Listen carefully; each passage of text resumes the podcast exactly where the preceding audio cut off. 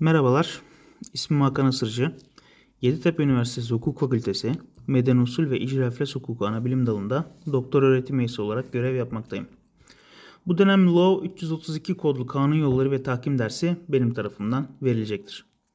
Bu dönem içinde özel hukuktan doğan uyuşmazlıkların dava yoluyla çözümü için devlet mahkemelerine başvuru halinde kanun yolları aşamasında bir başka deyişle isnaf kanun yolunun söz konusu olduğu ikinci derece mahkemeler olan bölge adliye mahkemelerinde ve temiz kanun yolunun söz konusu olduğu üçüncü derece mahkeme olan Yargıtay'da uygulanacak olan kurallar üzerinde durulacaktır.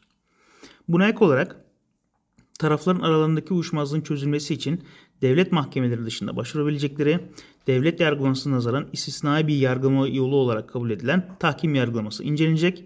Nihayet alternatif uyuşmazlık çözüm yöntemleri hakkında da kısaca bilgi verilecektir. Bu çerçevede sırasıyla muhakeme, hüküm ve kesin hüküm kavramları, hükmün etkileri, kesin hüküm, icra edilebilirlik, yenilik doğuran etki, unsur etkisi, kesin hükmün dava şartı ve kesin delil oluşturma etkileri, davanın hüküm olmadan sona ermesi,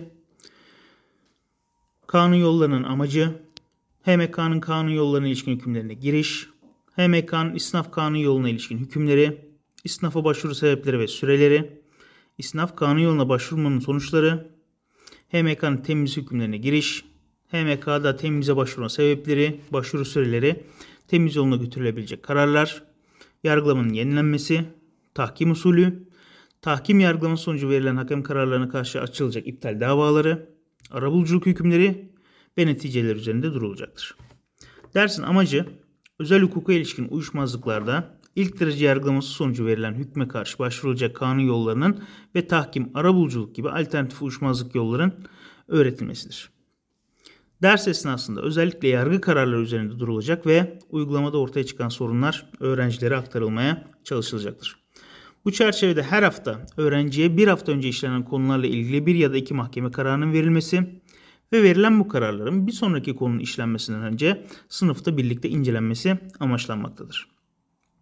Nihayet derste işlenen konulara ilişkin öğrencilere yardımcı olabilecek ders notları, derste öğrencilerden gelen sorular ve ders öncesi yapılan karar çalışmaları çerçevesinde güncellenerek öğrencilere sunulacaktır.